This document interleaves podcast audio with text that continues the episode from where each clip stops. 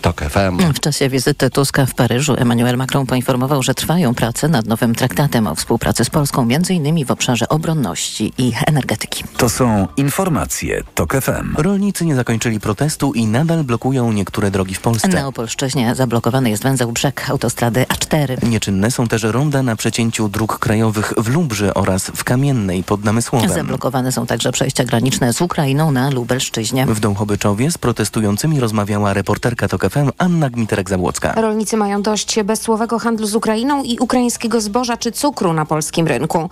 Mają też pretensje do wiceministra rolnictwa Michała Kołodziejczaka, z którym jeszcze do niedawna spotykali się na protestach. Wiesław Gryn z Oszukanej Wsi. Wysyłanie pana Kołodziejczaka na granicę, żeby sobie powąchał cukier, to jest wstyd. My mamy dokumenty na to, gdzie to idzie i ile tego idzie.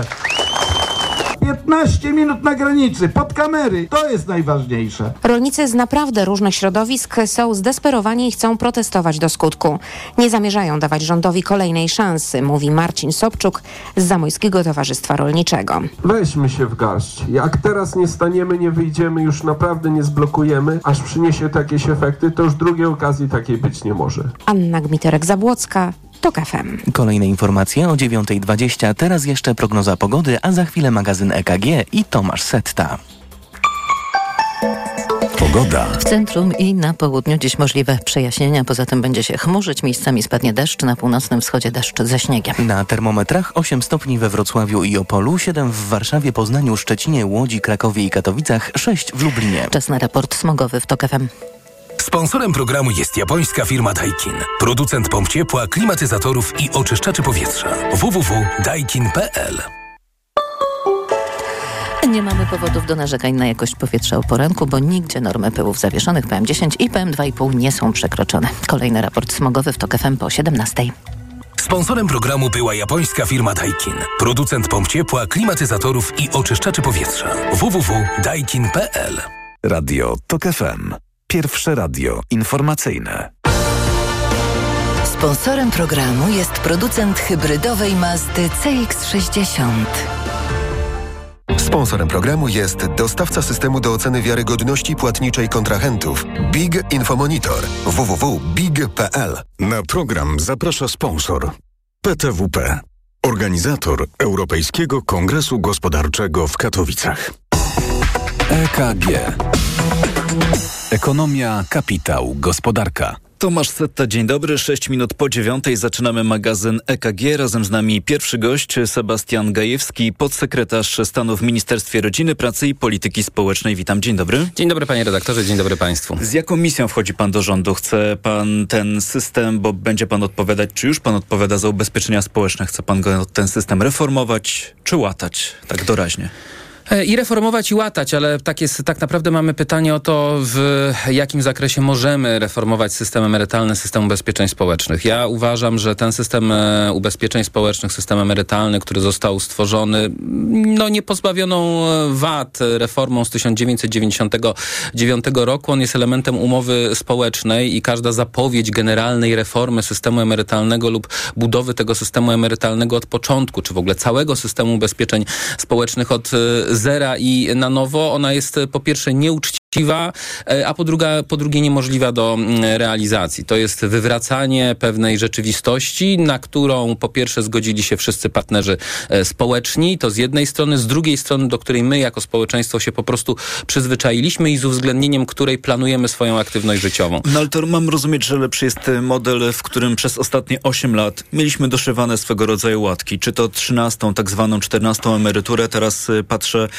na te prace, które są chociażby w Sejmie, czy jest na, na, na, na Państwa agendzie. I to są kolejne elementy, które dokładamy do tego systemu, powodując, że jest jeszcze bardziej skomplikowany niż był. No, systemy emerytalne mają to do siebie, że, Że są, skompli- że są skomplikowane i próby tworzenia systemów prostych, jednolitych, dających takie bardzo proste odpowiedzi na typowe sytuacje kończą się tym, czego zresztą przykład, przy, przykładem jest polski system e, emerytalny z 99 roku, że one się z czasem komplikują, bo okazuje się, że tymi prostymi receptami nie da się rozwiązać wszystkich problemów, które występują w społeczeństwie, które występują w systemie, no i pojawiają się rozmaite grupy, które mówią, no my jednak jesteśmy w nieco innej sytuacji, to znajduje uznanie polityczne, uznane, uznanie w społeczeństwie, no i tak pojawiają się problemy, których nie dało się wcześniej przewidzieć. Pamiętajmy, że system ubezpieczeń społecznych, w tym system emerytalny reaguje na zmiany w gospodarce, jest od nich uzależniony, od różnych zmian społecznych, także zmian kulturowych i to wszystko trzeba uwzględnić. Stąd pojawiają się te łaty i tak naprawdę, jeśli mówimy o systemie ubezpieczeń społecznych, to mówimy tak o łataniu, to mówimy o korektach, to mówimy o zmianach, a nie zasadniczej reformie i wywracaniu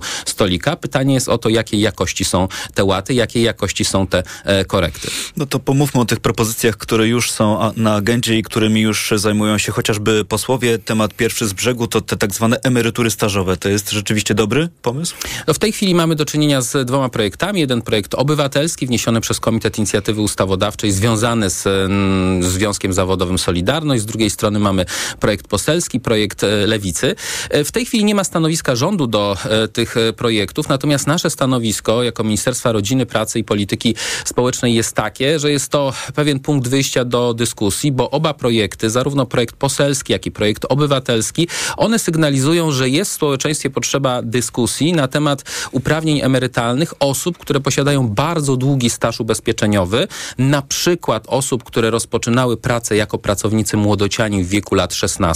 Oni mają bardzo długi staż ubezpieczeniowy, mają bardzo duży kapitał zaewidencjonowany na indywidualnym koncie w Zakładzie Ubezpieczeń Społecznych, a okazuje się, jak pokazują e, badania, że Polacy masowo popierają, żeby właśnie takim osobom e, przyznawać, e, żeby takie osoby miały prawo do przejścia na emeryturę. To społeczne poparcie, o którym pan mówi, to jest jedno, ale z drugiej strony to też na to zwracał pan uwagę w Sejmie, że to rodzi mm, wiele pytań, na które trzeba odpowiedzieć. To znaczy, o jakim stażu mówimy, w jaki sposób go liczyć, czy powiązać to z uzyskaniem prawa do minimalnej emerytury, czy to ma być rozwiązanie powszechne dotyczące także rolników. Pytanie, no jaki dzisiaj pan znajduje odpowiedzi chociażby na te pytania? No na te pytania będziemy udzielać e, odpowiedzi razem z podmiotami, które wnosiły e, te, wniosły te projekty. Te projekty zostały skierowane do Komisji Polityki Społecznej i Rodziny i z tego, e, co wiem, one będą e, procedowane. Pani przewodnicząca Katarzyna Uberhan nie będzie wkładać ich do zamrażarki, jak to robiła pani przewodnicząca Urszula Rusecka w zeszłej kadencji. Tam związki zawodowe miesiącami domagały się, żeby projekt stażówek był procedowany. Tak e, nie będzie.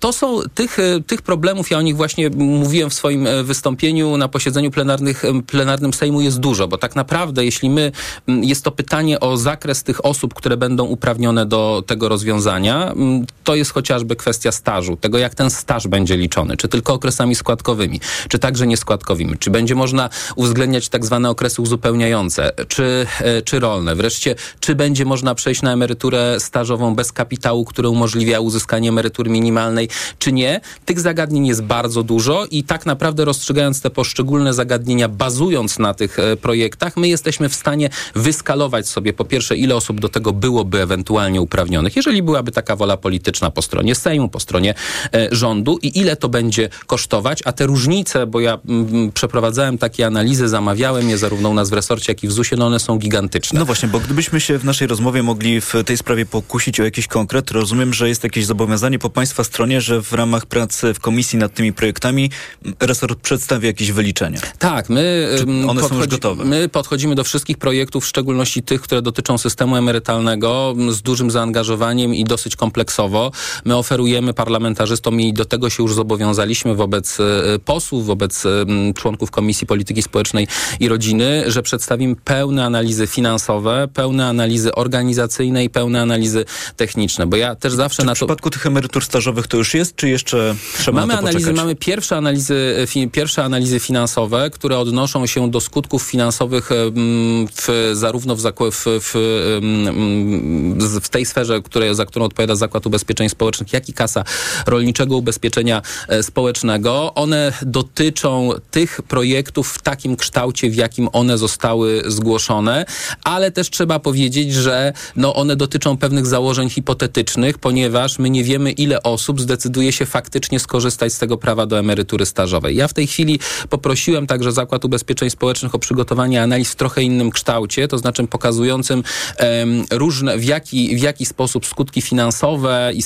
skutki finansowe mm, tego rozwiązania, one by różniły się w zależności od tego, jak by wyskalować okres, który by uprawniał do nabycia prawa do emerytury stażowej. Natomiast trzeba brać pod uwagę jeszcze jedną rzecz. My tego nie jesteśmy w stanie do końca wyskalować, bo o tym, ile osób będzie chciało przejść na emeryturę stażową, będą decydowały czynniki pozaprawne, bo na przykład sytuacja na rynku pracy, bo czynniki społeczno-kulturowe. Wiemy, że to się, wiemy, że to się e, zmienia. Musimy to, musimy to analizować i my takimi analizami będziemy dzielić się z parlamentarzystami z, pracującymi nad tymi projektami w Komisji Polityki Społecznej i Rodziny. No dobrze, to kolejna sprawa, chociaż to jest e, projekt, e, za który odpowiada Ministerstwo Rozwoju, ale państwa resort też jest w tę pracę, czy jak zakładam, będzie zaangażowany. Te tak zwane wakacje składkowe, urlop dla przedsiębiorcy. W jaki sposób to będzie wyglądało od strony ZUS-u?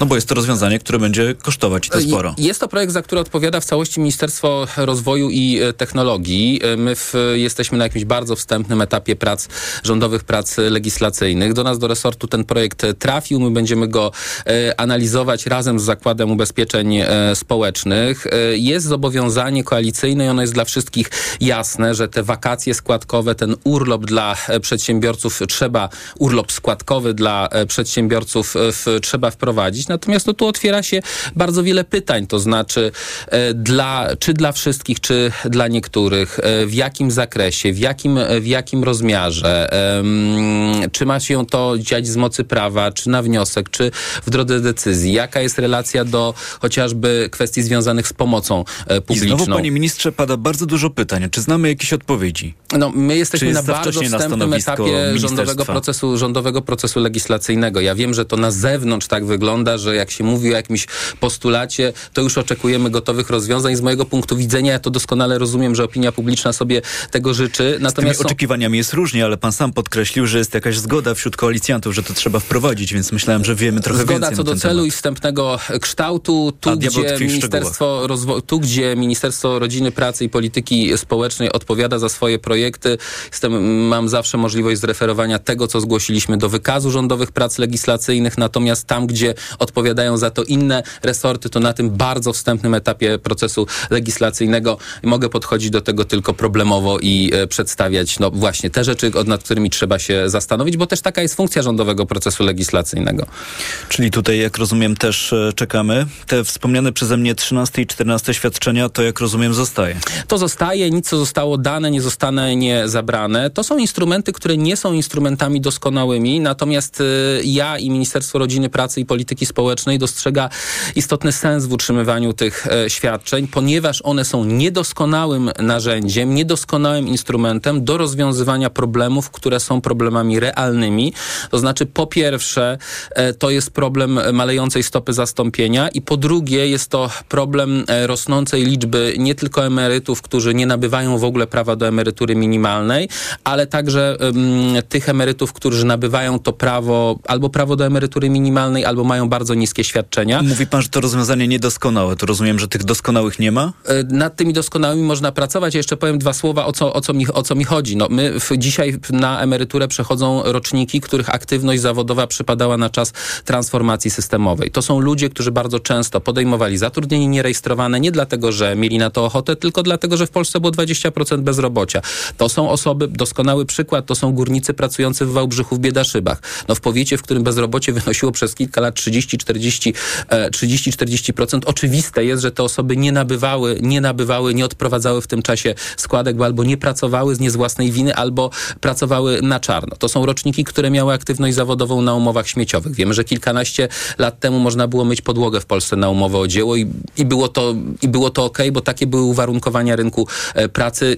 Super, że już dzisiaj e, tak, e, tak nie jest, ale to wszystko odbija się po latach w tym, co dostajemy jako nasza e, pierwsza e, emerytura i rzeczywiście no coś to kompensuje ta trzynastka, ta, ta trzynastka, ta e, czternastka. My mamy pewne pomysły wstępne z panią minister Dziemianowicz-Bąk, jak sobie poradzić z tymi niskimi świadczeniami, czy brakiem prawa do świadczeń po, y, po stronie osób, które na przykład pozostawały długi czas bezrobotne nie ze swojej winy, bo na przykład mieszkały w powiecie wałbrzyskim, bo na przykład pracowały w, w takich, mieszkały w takich miejscach, gdzie faktyczne pozyskanie pracy, na przykład na przełomie lat 90., 2000, no po, po, prostu, po prostu niemożliwe. Ale jak zapytam czas, o szczegóły, to też pan powie, że za musimy jakiś jeszcze czas, poczekać. To jest rzecz kompleksowa, za jakiś, za jakiś czas możemy się umówić na rozmowę i o tym z chęcią poopowiadam, bo to trochę takie moje dziecko, ale nie chcę, e, nie chcę wychodzić jeszcze przed szereg. Mm, to zanim ta kolejna rozmowa, to na koniec naszego dzisiejszego spotkania, hmm, kiedy poznamy to nowe nazwisko, czy nazwisko nowego prezesa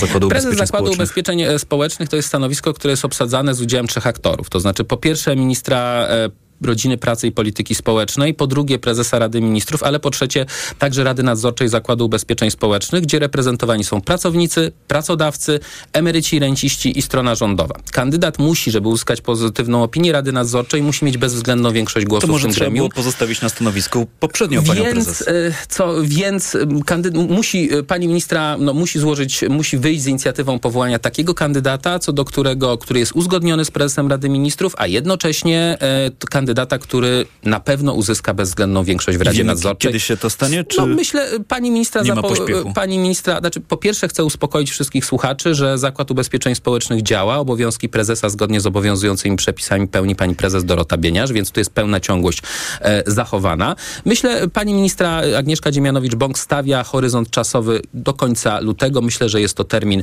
realny. Na pewno na złożenie w tej materii wniosku przez panią ministra. Pan się do ZUS-u wybiera, bo krążyły i takie informacje. Ja w Zakładzie Ubezpieczeń Społecznych bywam raz na półtora tygodnia, spotykam się z członkami zarządu Zakładu Ubezpieczeń Zawsze można Społecznych. być na dłużej jako prezes. E, Ja takich planów nie mam. O czym mówił Sebastian Gajewski, podsekretarz stanu w Ministerstwie Rodziny, Pracy i Polityki Społecznej. Bardzo dziękuję Bardzo za rozmowę. dziękuję. 9.20 informacje. EKG. Ekonomia, kapitał, gospodarka. Sponsorem programu był producent hybrydowej Mazdy CX-60. Sponsorem programu był dostawca systemu do oceny wiarygodności płatniczej kontrahentów Big Infomonitor www.big.pl. Na program zaprosił sponsor PTWP, organizator Europejskiego Kongresu Gospodarczego w Katowicach. Reklama. Technologia bliska sercu w MediaMarkt. Głośnik Bluetooth JBL Charge 5. Taniej o 70 zł. Najniższa cena przed obniżką 649 zł. Teraz za 579 zł. A smartfon Motorola Edge 40. Taniej o 200 zł. Najniższa cena przed obniżką 1599 zł. Teraz za 1399 zł. Dostępne też w 40 ratach. RRSO 0%. I do sierpnia nie płacisz. Kredyt udziela Bank BNP Paribas po analizie kredytowej. Szczegóły w sklepach i na MediaMarkt.pl. MediaMarkt. Stosujesz kapsułki wspierające zdrowie wątroby? Wypróbuj nowość. Esselif 600. Dlaczego? Esselif 600 to aż 600 mg fosfolipidum essentiale z nasion soi w jednej kapsułce. Suplement diety Esselif 600 stosuje się raz dziennie, a opakowanie wystarcza na 50 dni. Zapytaj w aptece o Esselif 600, a cena na pewno pozytywnie Cię zaskoczy. Esselif 600. Zdrowie dla wątroby, korzyść dla portfela. Wyciąg z ostryżu długiego wspiera zachowanie zdrowej wątroby. Aflofarm. Reklama. Radio TOK FM. Pierwsze radio informacyjne. Informacje TOK FM. 9.22. Piotr Jaśkowiak, zapraszam. Były szef kancelarii premiera ponownie stanie dziś przed Sejmową Komisją Śledczą do zbadania tzw. Tak wyborów kopertowych. Przed tygodniem posłowie przerwali przesłuchanie Michała Dworczyka, gdy wyszedł na jaw jego mail skierowany do Pawła Jabłońskiego z Prawa i Sprawiedliwości, który zasiada w komisji. Były wiceszef resortu spraw zagranicznych miał doradzać ministrowi Dworczykowi w sprawie uchylenia decyzji premiera o przygotowaniu listownego głosowania, po tym jak wybory nie doszły do skutku. Możliwe, że sejmowa większość odwoła posła Jabłońskiego ze składu komisji. Nadzwyczajne walne zgromadzenie KGHM Polska Miedź ma dzisiaj zmienić Radę Nadzorczą państwowej spółki. Chodzi o jedną z największych firm w Polsce, która zwłaszcza na Dolnym Śląsku cieszy się ogromnymi wpływami. Zajmuje się wydobyciem i przetwarzaniem metali, w tym srebra. Do uprawnień Rady Nadzorczej należy powoływanie zarządu spółki. Obecnie kieruje nią Tomasz Zdzikot, który wcześniej był prezesem Poczty Polskiej. Na jej czele stanął, gdy miała zorganizować wybory kopertowe i jest na liście świadków, których zamierza wezwać Komisja Śledcza. To są informacje TOK FM. A w nich teraz Hiszpania. Branża transportowa przyłączyła się do protestu rolników. Przewoźnicy razem z nimi wyjechali na najważniejsze trasy. W kilku miejscach demonstranci zmienili taktykę. Nie blokują już dróg, tylko stawiają na powolny przejazd ciągników, który tamuje ruch innych pojazdów.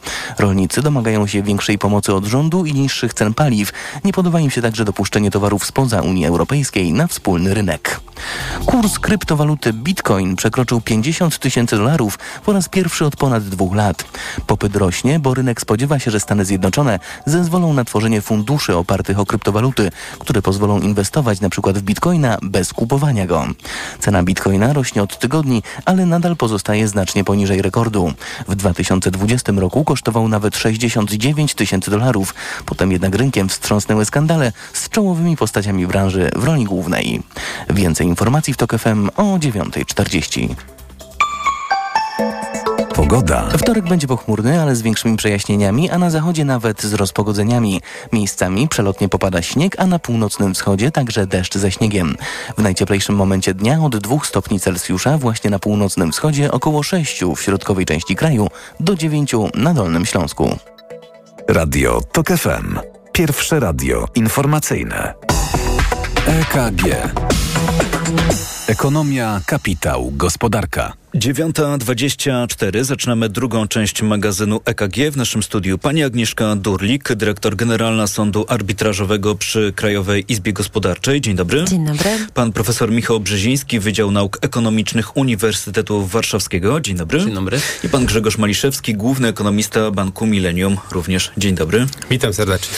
Trochę mam wrażenie, przez moment jeszcze pozostaniemy w temacie z pierwszej części magazynu EKG, bo tak się zastanawiałem, mm, jaka stoi przyszłość przed tym systemem emerytalnym w Polsce. Czy to jest e, na tyle skomplikowana działka, że można tylko do niej doszywać kolejne łaty, czy nowy rząd powinien sobie mm, postawić taki bardzo ambitny cel, że zabierze się za reformę tego? No, od naszego pierwszego gościa usłyszeliśmy, że no, trochę mają to do siebie te systemy emerytalne czy ubezpieczeń społecznych, że no one nawet y, jakbyśmy chcieli, żeby były proste, to potem z biegiem czasu te łaty trzeba doszywać. Pan profesor Michał Brzeziński, to rzeczywiście tak jest? Że się nie da inaczej?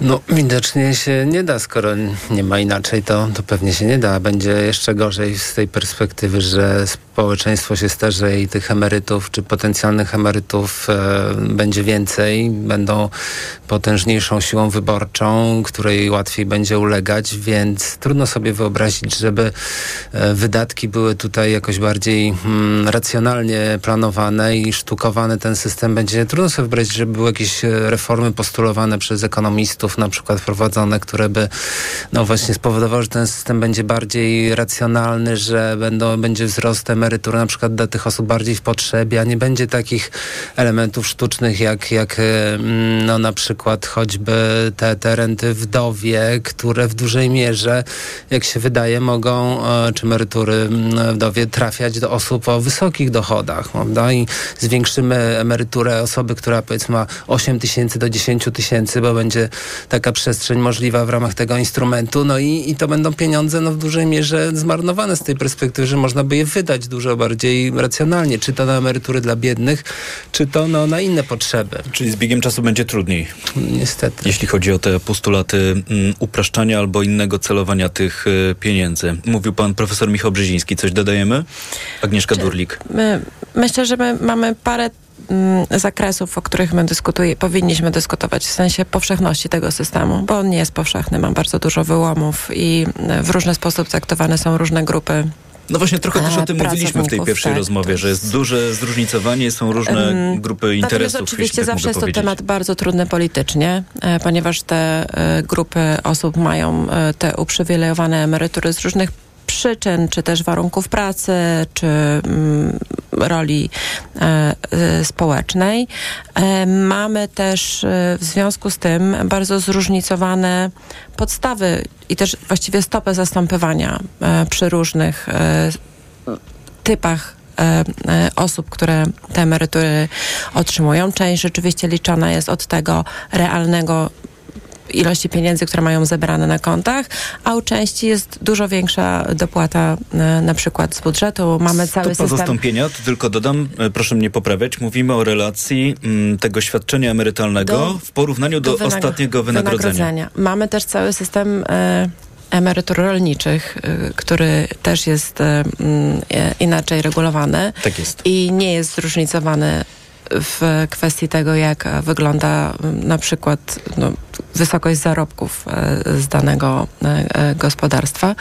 Także to, to jest dość duża przestrzeń, o której można dyskutować, no ale naszym głównym wyzwaniem jest to, że systemy emerytalne, w których my funkcjonujemy, były projektowane na zupełnie inną długość do życia emerytów przyszłych. W tej chwili ona się zmieniła.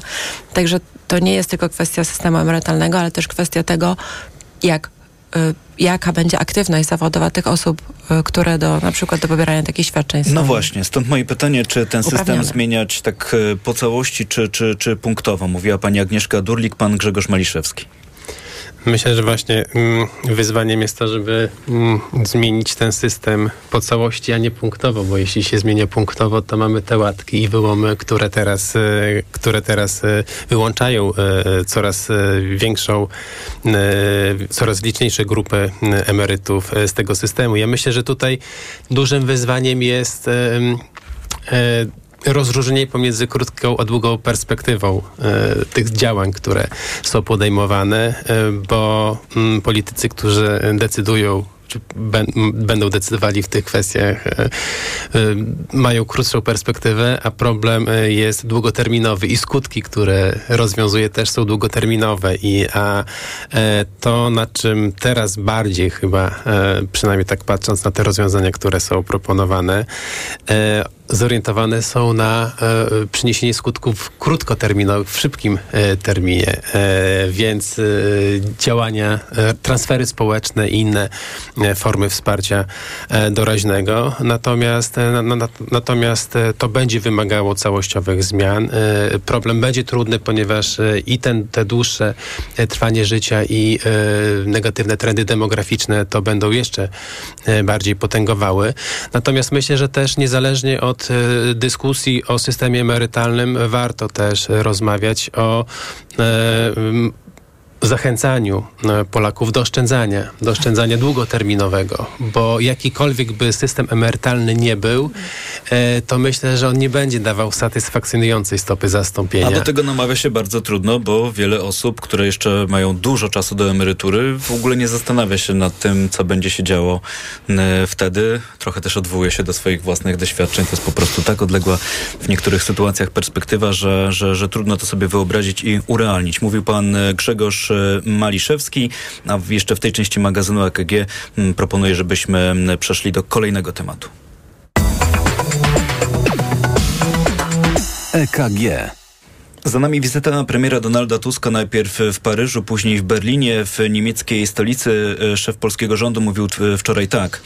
Niezależnie od tego, co mówi były amerykański prezydent i kandydat w najbliższych wyborach Donald Trump, to jest nasz oczywisty wspólny interes, aby wszystkie kraje członkowskie NATO zwiększyły i to w sposób wyraźny finansowanie swoich i naszych wspólnych zdolności obronnych. I tak się zastanawiam, czy mm, to nie jest też dyskusja w jakimś sensie gospodarcza, czy także po tych słowach e, Donalda Trumpa szeroko komentowanych z minionego weekendu, to nie jest jakiś moment na głębszą refleksję tutaj w Europie, żeby także gospodarka w jakimś stopniu przestawiła się na te cele. Nie mówię o całkowitym przestawieniu na gospodarkę wojenną, ale żeby z tyłu głowy mieć jednak to, że no jednak żyjemy w trochę innej rzeczywistości geopolitycznej niż wydawało nam się do tej pory. Pani znaczy, Agnieszka Durnik. Wydaje się, że mm, z tym ruchem mamy już do czynienia e, dość powszechnie i kwestia kontraktowania zakupów e, mm, różnego typu e, broni i coraz większa dyskusja o tym, że mamy bardzo trudną sytuację geopolityczną, mm, no jednoznacznie wskazuje na to, że będziemy coraz mocniej inwestować w technologię. Krótko wejdę na słowo, bo rzeczywiście broń. zdajemy sobie sprawę, że zakupy na przykład uzbrojenia są, ale produkcja amunicji, coś co powinno dziać się w Europie, tutaj to pozostawia znaczy, wiele do życzenia. To jest kwestia zmiany lokalizacji produkcji, różne, tego skrócania łańcucha dostaw, o których my często mówimy, ale musimy ciągle pamiętać, że to będzie coraz trudniejsze dla Europy w powiązaniu na przykład z polityką klimatyczną bo ta produkcja w dużej części jest wysoko, e, produkcją wysoko, zużywającą dużą ilość energii. Oczywiście my możemy mówić różnego typu um, wysublimowanych um, produktach typu drony, których najprawdopodobniej produkcja nie jest aż um, tak, nie ma tak negatywnego wpływu powiedzmy na klimat, czy nie jest tak energochłonna, ale już amunicja i ta mała i duża, no to już mamy tutaj zupełnie inną sytuację. Także to jest kwestia też zastanowienia się nad tym, e, jak my to będziemy bilansowali i wiązali e, z polityką e, klimatyczną, ale z pewnością skrócenie łańcuchów dostaw i oparcie się jednak o, mm, no, zwłaszcza Europy, o, mm, o ten rynek lokalny, to jest kierunek, nad którym wszyscy powinni się e, zastanowić. Natomiast też jest e, kwestia tego e, wybudowania poczucia bezpieczeństwa tutaj lokalnie i jednak obserwowania tego, jak wyglądają, mogą się układać wyniki wyborów w Stanach Zjednoczonych i e, myślę, że to jest e, coś, co zmieni w najbliższym okresie czasu rynek. Chociaż tak to sobie wyobrażam, że chyba takim dla nas tu w Europie pożądanym scenariuszem jest sytuacja, w której no nie jesteśmy zdani na wybór po drugiej stronie oceanu, tylko mamy jednak, posiadamy własne zdolności i, i, i możemy sami zadbać o, o, swoje bezpieczeństwo. A tak się zastanawiam, czy to jest e, ostatni moment, żeby uruchomić pewne procesy, zanim przyjdzie nam się z czymś poważniejszym zmierzyć. To może jeszcze krótko pan Grzegorz Maliszewski. Mm, ja bym może jeszcze e, ten aspekt rozszerzył nie tylko na mm, zbrojenie i na amunicję, ale generalnie wojsko, jak i taki motor mm, rozwoju innowacyjności, e, bo w historii wiele rzeczy e, działo się ze współpracy z wojskiem, wiele, wiele innowacji powstało ze współpracy z wojskiem, żeby wspomnieć o internecie, o komputerach czy o e, GPS-ach. E, więc ta, ta współpraca i ta aktywność na pewno jest potrzebna. E, to co, e, to, co w ostatnich latach jest niepokojące, to to, że e, spadała stopa inwestycji, więc ta aktywność inwestycyjna i sektora prywatnego, ale też sektora publicznego spadała, więc nastąpiło takie trochę uśpienie tych, tych możliwości. Natomiast nie ulega wątpliwości, że, że aktywizacja w tym obszarze jest ważna, bo, bo i E, to um, dozbrojenie jest niezbędne, ale też e, unowocześnienie jest potrzebne. To jeszcze krótko pan profesor Michał Brzeziński. Tak, to jest bardzo słuszny postulat, żeby zwiększać te wydatki i należałoby to zrobić, ale nie oszukujmy się, że to się nie wydarzy na wystarczającą skalę. Niestety no, kraje zachodu Europy, południa Europy, tam z wielu powodów no, ten wzrost tych wydatków będzie niewystarczający. A nie wszyscy w tym samym stopniu są, mam wrażenie, dzisiaj zainteresowani. No niestety, niestety jest też tak, że im dalej od niebezpieczeństwa położony kraj, tym czuje się bardziej bezpieczny i ta chęć do zwiększenia wydatków i pomocy jest mniejsza i tam społeczeństwa no, nie chcą wystarczającej części zwiększenia tego wydatków i też mają małą przestrzeń fiskalną niestety. Są kraje o wysokich deficytach, o niskim wzroście, mają w przyszłości silną presję na wzrost wydatków ze względu na starzenie, właśnie na politykę klimatyczną, ale no, no, związaną z, z wydatkami w inwestycje w tej dziedzinie, no i też przestrzeni tam na to nie ma, więc jakiś wzrost nastąpi w skali całej Unii Europejskiej, ale on nie będzie niestety wystarczający. Nie będzie równo rozłożony. Też, tak. Tak, no i nie bez, nie, nie bez powodu te innowacje, które miały miejsce, one miały miejsce w latach 50. XX wieku, a przez ostatnie dziesięciolecia e, tutaj było ciszej, niewiele się działo niestety. Mówił pan Grzegorz Maliszewski, są z nami też Michał Brzeziński i Agnieszka Durlik. Informacje, po nich wracamy. EKG Ekonomia, kapitał, gospodarka. Reklama. W stresie czujesz, jakbyś nie była sobą? Suplement diety Waluset Control zawiera wyciągi z czterech ziół. Waleriana, passiflora i chmiel sprzyjają odprężeniu, a ashwaganda pomaga radzić sobie ze stresem. Waluset Control. I stres znów masz pod kontrolą.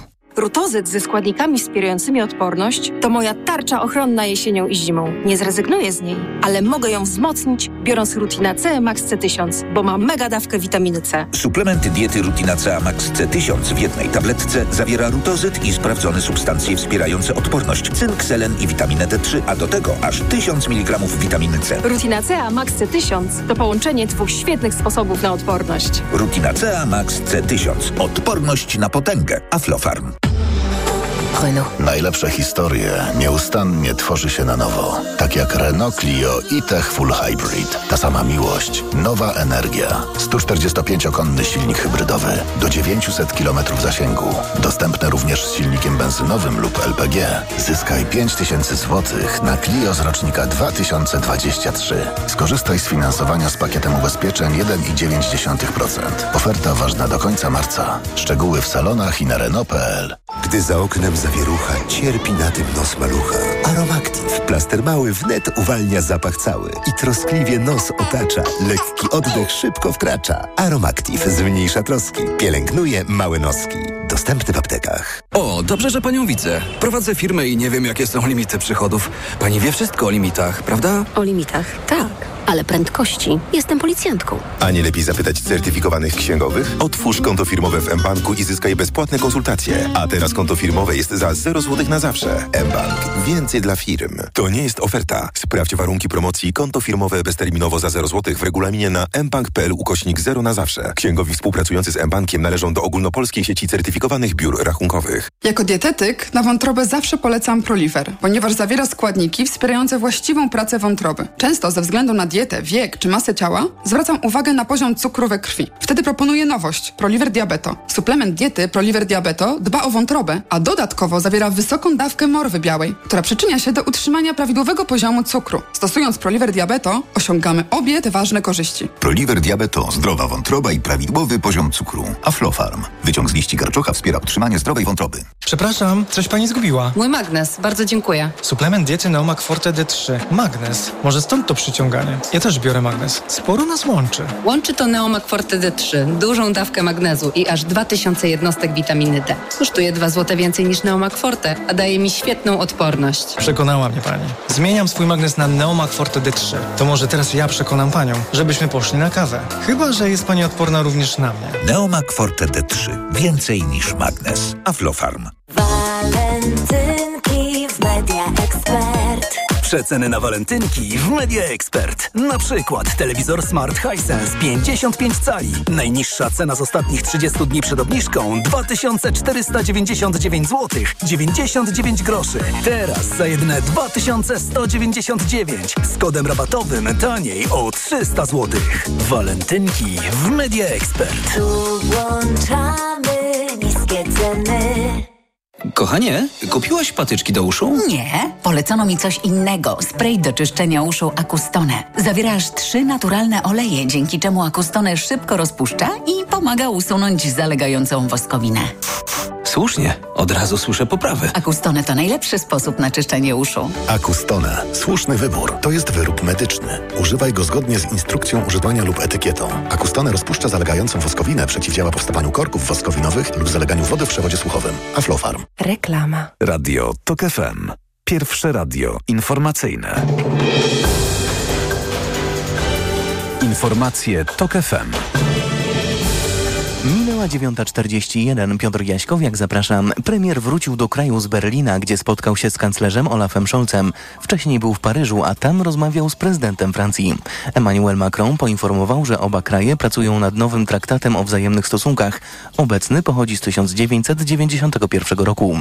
Ten traktat określi nowe ramy naszej współpracy we wszystkich dziedzinach obronności, energii jądrowej, współpracy naukowej i kulturalnej, powiedział francuski przywódca. Głównym tematem rozmów było bezpieczeństwo. Nie ma alternatywy dla Unii Europejskiej, nie ma alternatywy dla NATO, mówił premier Donald Tusk. Paryż był trzecią zagraniczną stolicą, którą odwiedził, odkąd ponownie stanął na czele rządu. Wcześniej był w Brukseli i w Kijowie.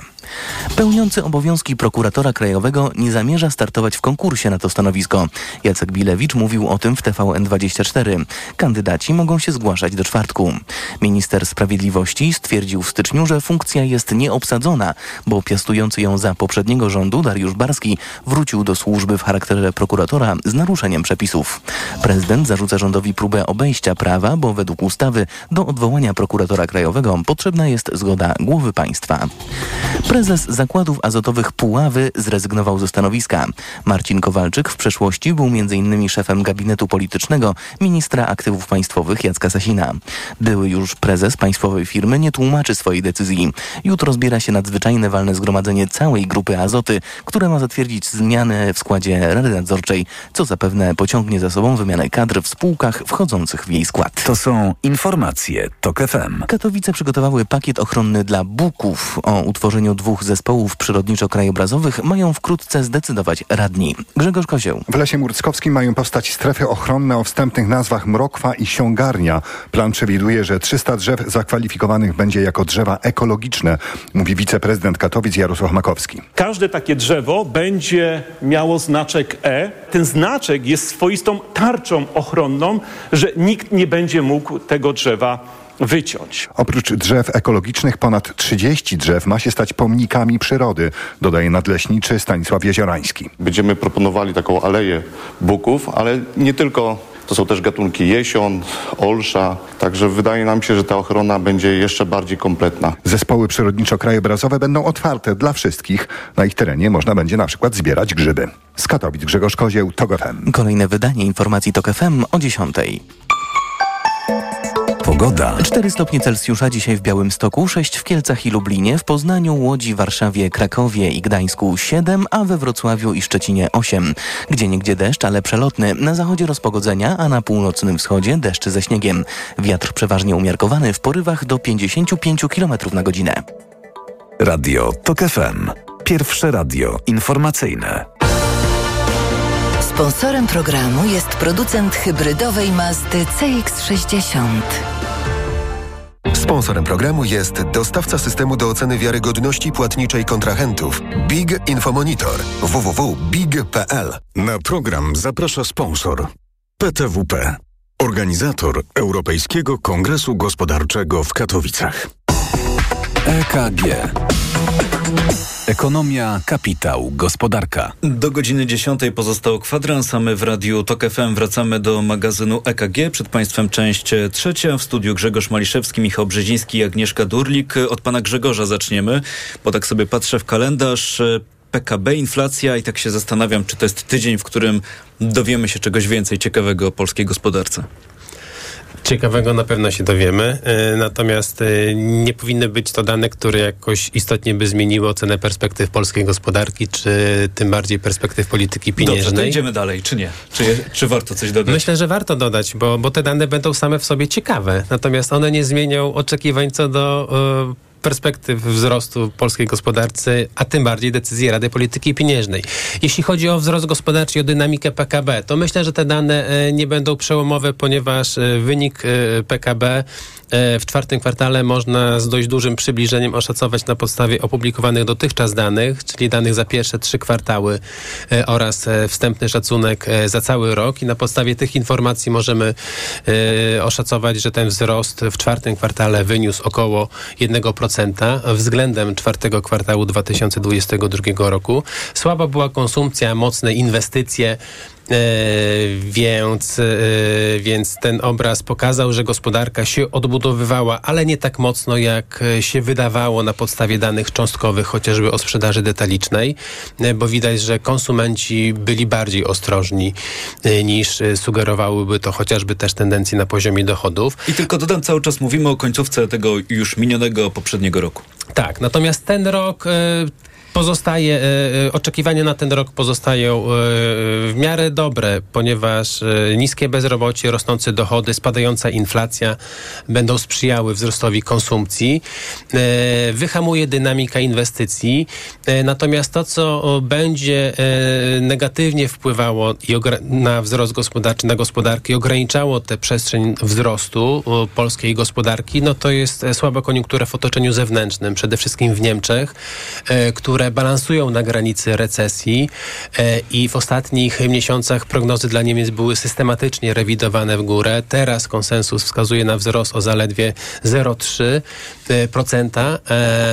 ale e, prawdopodobieństwo recesji pozostaje wysokie, więc e, to będzie czynnik, który, e, który niewątpliwie będzie osłabiał popyt zewnętrzny i, i możliwości wzrostu polskiej gospodarki. Natomiast jeśli chodzi o inflację, to już może tak króciutko, żeby nie przedłużać, to ona wyraźnie spadnie do około 4%. W dużej mierze ze względu na wysoką bazę i ze względu na przedłużenie działań osłonowych. W pierwszej połowie tego roku prawdopodobnie inflacja e, wyniesie około 3%, więc będzie to bardzo nisko, ale zakładając, że działania osłonowe będą wycofywane, e, to druga połowa tego roku przyniesie, e, przyniesie wzrost inflacji do ponad 6%. A dlaczego ten wpływ rynkowy, o którym mówiłem, będzie niewielki? Dlatego, że prezes Glapiński na ostatniej konferencji prasowej powiedział, iż szanse na podwyżki, obniżki stóp procentowych w tym roku są niewielkie, więc to pokazuje, że Rada nie chce spieszyć się z obniżkami oprocentowania. W związku z tym te dane, które będą w tym tygodniu publikowane, tych oczekiwań nie zmienią, a więc nie wpłyną też na e, rynki finansowe. Z tego też powodu dane będą ciekawe, e, aczkolwiek, tak jak powiedziałem, ich wpływ rynkowy e, powinien być relatywnie ograniczony. A o tym wszystkim opowiadał Państwu Grzegorz Maliszewski. Bardzo dziękuję. EKG. 9.48 to co? Zdziwienia? Czas na naszą ulubioną y, część programu, czy coś jeszcze dodajemy? Będziemy mieć po raz pierwszy do, do dłuższego czasu czynienia, do czynienia z tym, że stopy będą procentowe wyższe od inflacji. Także y, to może być, rozmawialiśmy na początku y, o kwestii na przykład oszczędzania. E, i tego, że jest to ważne też w perspektywie długoterminowej dla wielu osób. Także myślę, że to może być pewien bodziec dla części. Mm, mówimy tutaj o tym, że my chcielibyśmy, żeby konsumpcja była wyższa, żeby e, jednak e, przynajmniej wewnętrzna, ponieważ mamy problemy na rynkach zewnętrznych, w związku z tym to zwiększenie konsumpcji wewnętrznej pomogłoby nam zwiększyć dynamikę wzrostu. Bo ale konsumpcja, dodajmy, strony... to ten jeden z naszych motorów polskiej gospodarki. Tak. Na, drugim jest eksport, e, z którym e, jest trochę trudniej. Teraz też sytuacja eksporterów może być trudniejsza z uwagi na wysoki kurs złotówki. No dobrze, ale to wydajemy na konsumpcję, to nie oszczędzamy. No właśnie, chodzi o to, że z jednej strony bardzo zależy nam na tej konsumpcji, ale z drugiej strony bardzo ważne jest to, abyśmy mieli, żebyśmy oszczędzali. I tu na przykład też warto pokazać to porównanie z Bankiem Centralnym Europejskim, gdzie mamy do czynienia z dużo niższą e, inflacją, a stopy procentowe nadal utrzymywane są na wysokim poziomie. Mimo tego, że jest spowolnienie gospodarcze, na przykład największej e, gospodarce, czyli e, w Niemczech, a jednak ciągle jest takie wsparcie dla osób, dla osób, dla, dla podmiotów oszczędzających, bo tu nie chodzi tylko o osoby fizyczne, po to, żeby wybudować też odpowiedni kapitał, bo jego wybudowanie pozwoli nam później na zwiększenie e, inwestycji, mm, które mogłyby mieć charakter rozwojowy i długotrwale wesprzeć gospodarkę. Także mm, to taka e, w sumie ciekawostka, bo dość duża zmiana w polityce Banku Centralnego, jak patrzymy w perspektywie ostatnich mm, lat, e, to mamy, no ta sytuacja zmieniła się dość e, zasadniczy sposób. I to w bardzo krótkich odstępach czasu, bo teraz mówimy, że Rada mhm. Polityki Pieniężnej z obniżkami nie będzie się spieszyć, ale jeszcze w zeszłym roku, w czasie kampanii wyborczej, posiedzenia we wrześniu i w październiku i takie gwałtowne cięcie tych stóp w sumie o cały punkt e, procentowy, ale oczywiście rozumiem, kampania wyborcza i wówczas wybory parlamentarne to był zupełny e, przypadek. Mówiła pani Agnieszka Durlik, pan profesor profesor Michał Brzeziński. Coś pana dziwi? dziwi, dziwi mnie dużo rzeczy, ale na przykład taka, że dosyć tak łatwo przychodzimy do porządku dziennego nad tym zakazem oceniania prac domowych, który chyba już został wprowadzony, prawda? Czy... To nie moja działka, więc nie jestem na bieżąco, ale dyskusja na ten temat Tak, się... Tak, ale to ma ważne znaczenie gospodarcze, bo, bo prawdopodobnie to się przyczyni do wzrostu mm, nierówności edukacyjnych i nierówności ekonomicznych, no i nie będzie korzystne dla gospodarki. Się wpisuje w te trendy, które już od pewnego czasu się dzieją, czyli wzrost e, liczby uczniów w szkołach prywatnych, prawda, tam posyłają osoby zamożne, edu, e, nierówności edukacyjne rosną, wzrost wydatków znaczący na korepetycje prywatne, kto je finansuje te wydatki, no też raczej osoby zamożne, prawda? I tutaj, jeżeli chodzi o ten, ten zakaz, jak ja go nazywam, oceniania prac domowych, no to też spowoduje to, że uczniowie, którzy już są pilni, będą te prace jeszcze pewnie przez pilnych rodziców mm, mm, naganiani, że tak powiem, wykonywali i to będzie zwiększało ich w dłuższym okresie umiejętności, a uczniowie mniej pilni zrezygnują z tego, jeżeli to nie będzie oceniane. I to też będzie powodowało wzrost nierówności edukacyjnych, mniejszy średni poziom wykształcenia umiejętności naszych pracowników. Niedobrze. No, ale czy da się tu znaleźć jakiś, jakiś złoty środek? Bo można też spotkać się z takimi relacjami czy historiami, że w niektórych sytuacjach uczniowie byli przeciążani tymi pracami domowymi. I to też jest takie poruszanie się, mam wrażenie, od ściany do ściany. Tak, no właśnie, tak więc tak należałoby wprowadzić jakąś mądrą regulację, zmniejszyć e, ilość tych e, prac domowych, nakazać, nie wiem, e, oceny opisowe, a nie e, A nie rezygnować całkiem. A nie rezygnować wszystkim- całkiem. To jest trochę takie populistyczne niestety rozwiązanie. Przede wszystkim musimy zrewidować program, podstawę programową i przestawić się na jednak kształcenie e, zupełnie inne w sensie procesu kształcenia. A to też zdaje się, że się dzieje, tylko potrwa dużo dłużej. Myślę, że tak, ponieważ to, wymaga również Obcięcie podstaw programowych. Ale też kwestia tego, jak będziemy kształcić i żebyśmy zrozumieli cel tego, dlaczego kształcimy i e, po co jakby ta edukacja, na, jaki ma, ma cel szerszy. Ale też zmienić sposób, w jaki my, aby zmienić sposób nauczania, również należy nauczyć tych, którzy mają nauczać. Także to nie jest e, krótki termin, w którym jesteśmy w stanie to zrealizować i wydaje się, że jeżeli y, zajmiemy się tylko ograniczeniem prac domowych, a nie zmienimy postawy programowej, to po prostu nie będziemy w stanie zrealizować y, y, tych wymagań. Także mm, to jest mm, bardzo trudne, ale ja mam zazwyczaj taką myśl, że muszę było poprosić polonistów, żeby ocenili to, jaki materiał z matematyki jest potrzebny albo z geografii i, i zobaczyć to, jak kwestia przygotowania dla rynku, co jest ważne, żeby y, rynek pracy miał odpowiednio wykształcone osoby. To mówiła pani Agnieszka Durlik, wcześniej pan Michał Brzeziński, to jeszcze pan Grzegorz Maliszewski. E, Ja się zdziwiłem, a tak trochę zaniepokoiłem, e, tak odchodząc trochę od edukacji, chociaż ten wątek rzeczywiście ciekawy, bo pokazuje, że jeśli chcemy coś rozwiązać, to rozwiązujmy coś całościowo, bo łatanie tego e, nie da żadnego skutku e, poprawiającego tak naprawdę efektywność systemu To znaczy ja powiem tak, edukacji. jak przyglądam się różnym działaniom podejmowanym przez polityków, e, czy tej nowej koalicji rządowej, czy przez poprzedni rząd, to widzę jakąś taką bardzo dużą pokusę sięgania po proste rozwiązania. Populizm. Quick win. E, takie, które przynoszą szybkie efekty. No pytanie, czy to są zawsze efekty dobre, czy, czy, czy, czy złe, ale przynajmniej da się to jakoś, e, mówiąc kolokwialnie, sprzedać, tak? Wizerunkowo, Znaczy, pytanie jest takie, medialnie. jaki efekt chcemy osiągnąć? A to schodzi E, właśnie o tak, drugi dalszy no i, y, i, I czy to w jakim stopniu poprawia to efektywność systemu edukacji?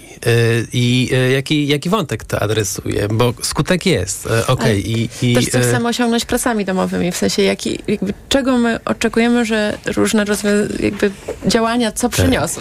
Bo państwo to by chcieli dyskutować o tym, a to trzeba robić. Tak, natomiast już kończę. Skasować y, pracę domową, a nie się tam zastanawiać i, i, i przesadnie drążyć dema, e, temat. Odchodząc od tego i, i kończąc to moje zdziwienie, e, to e, znalazłem informację, że o 20% w ciągu ostatnich dwóch miesięcy e, spadł przewóz, transport przez kanał Suezki w związku z konfliktem na Bliskim Wschodzie. Jeśli na to nałoży się też ograniczenia e, w transporcie przez kanał panamski w związku z niskim stanem wody, to to pokazuje, jak e, ciągle wysokim ryzykiem obarczona jest drożność łańcuchów dostaw, szczególnie jeśli eskalowałyby napięcia na Bliskim Wschodzie.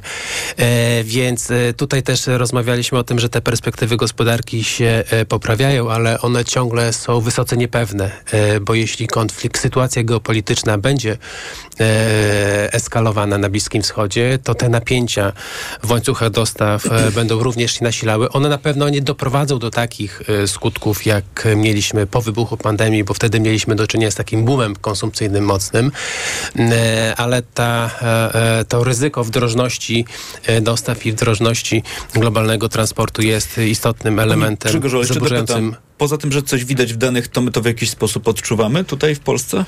E, teraz nie, ale na przykład zaczynają rosnąć ceny frachtu, ceny transportu morskiego.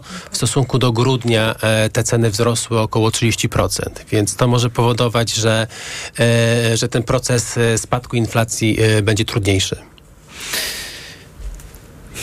Chciałem jakoś tak zamknąć tę naszą dyskusję, ale nie przychodzi mi nic błyskotliwego do głowy, więc zabiorę Państwa na giełdę papierów wartościowych, jeśli nie mają Państwo nic przeciwko.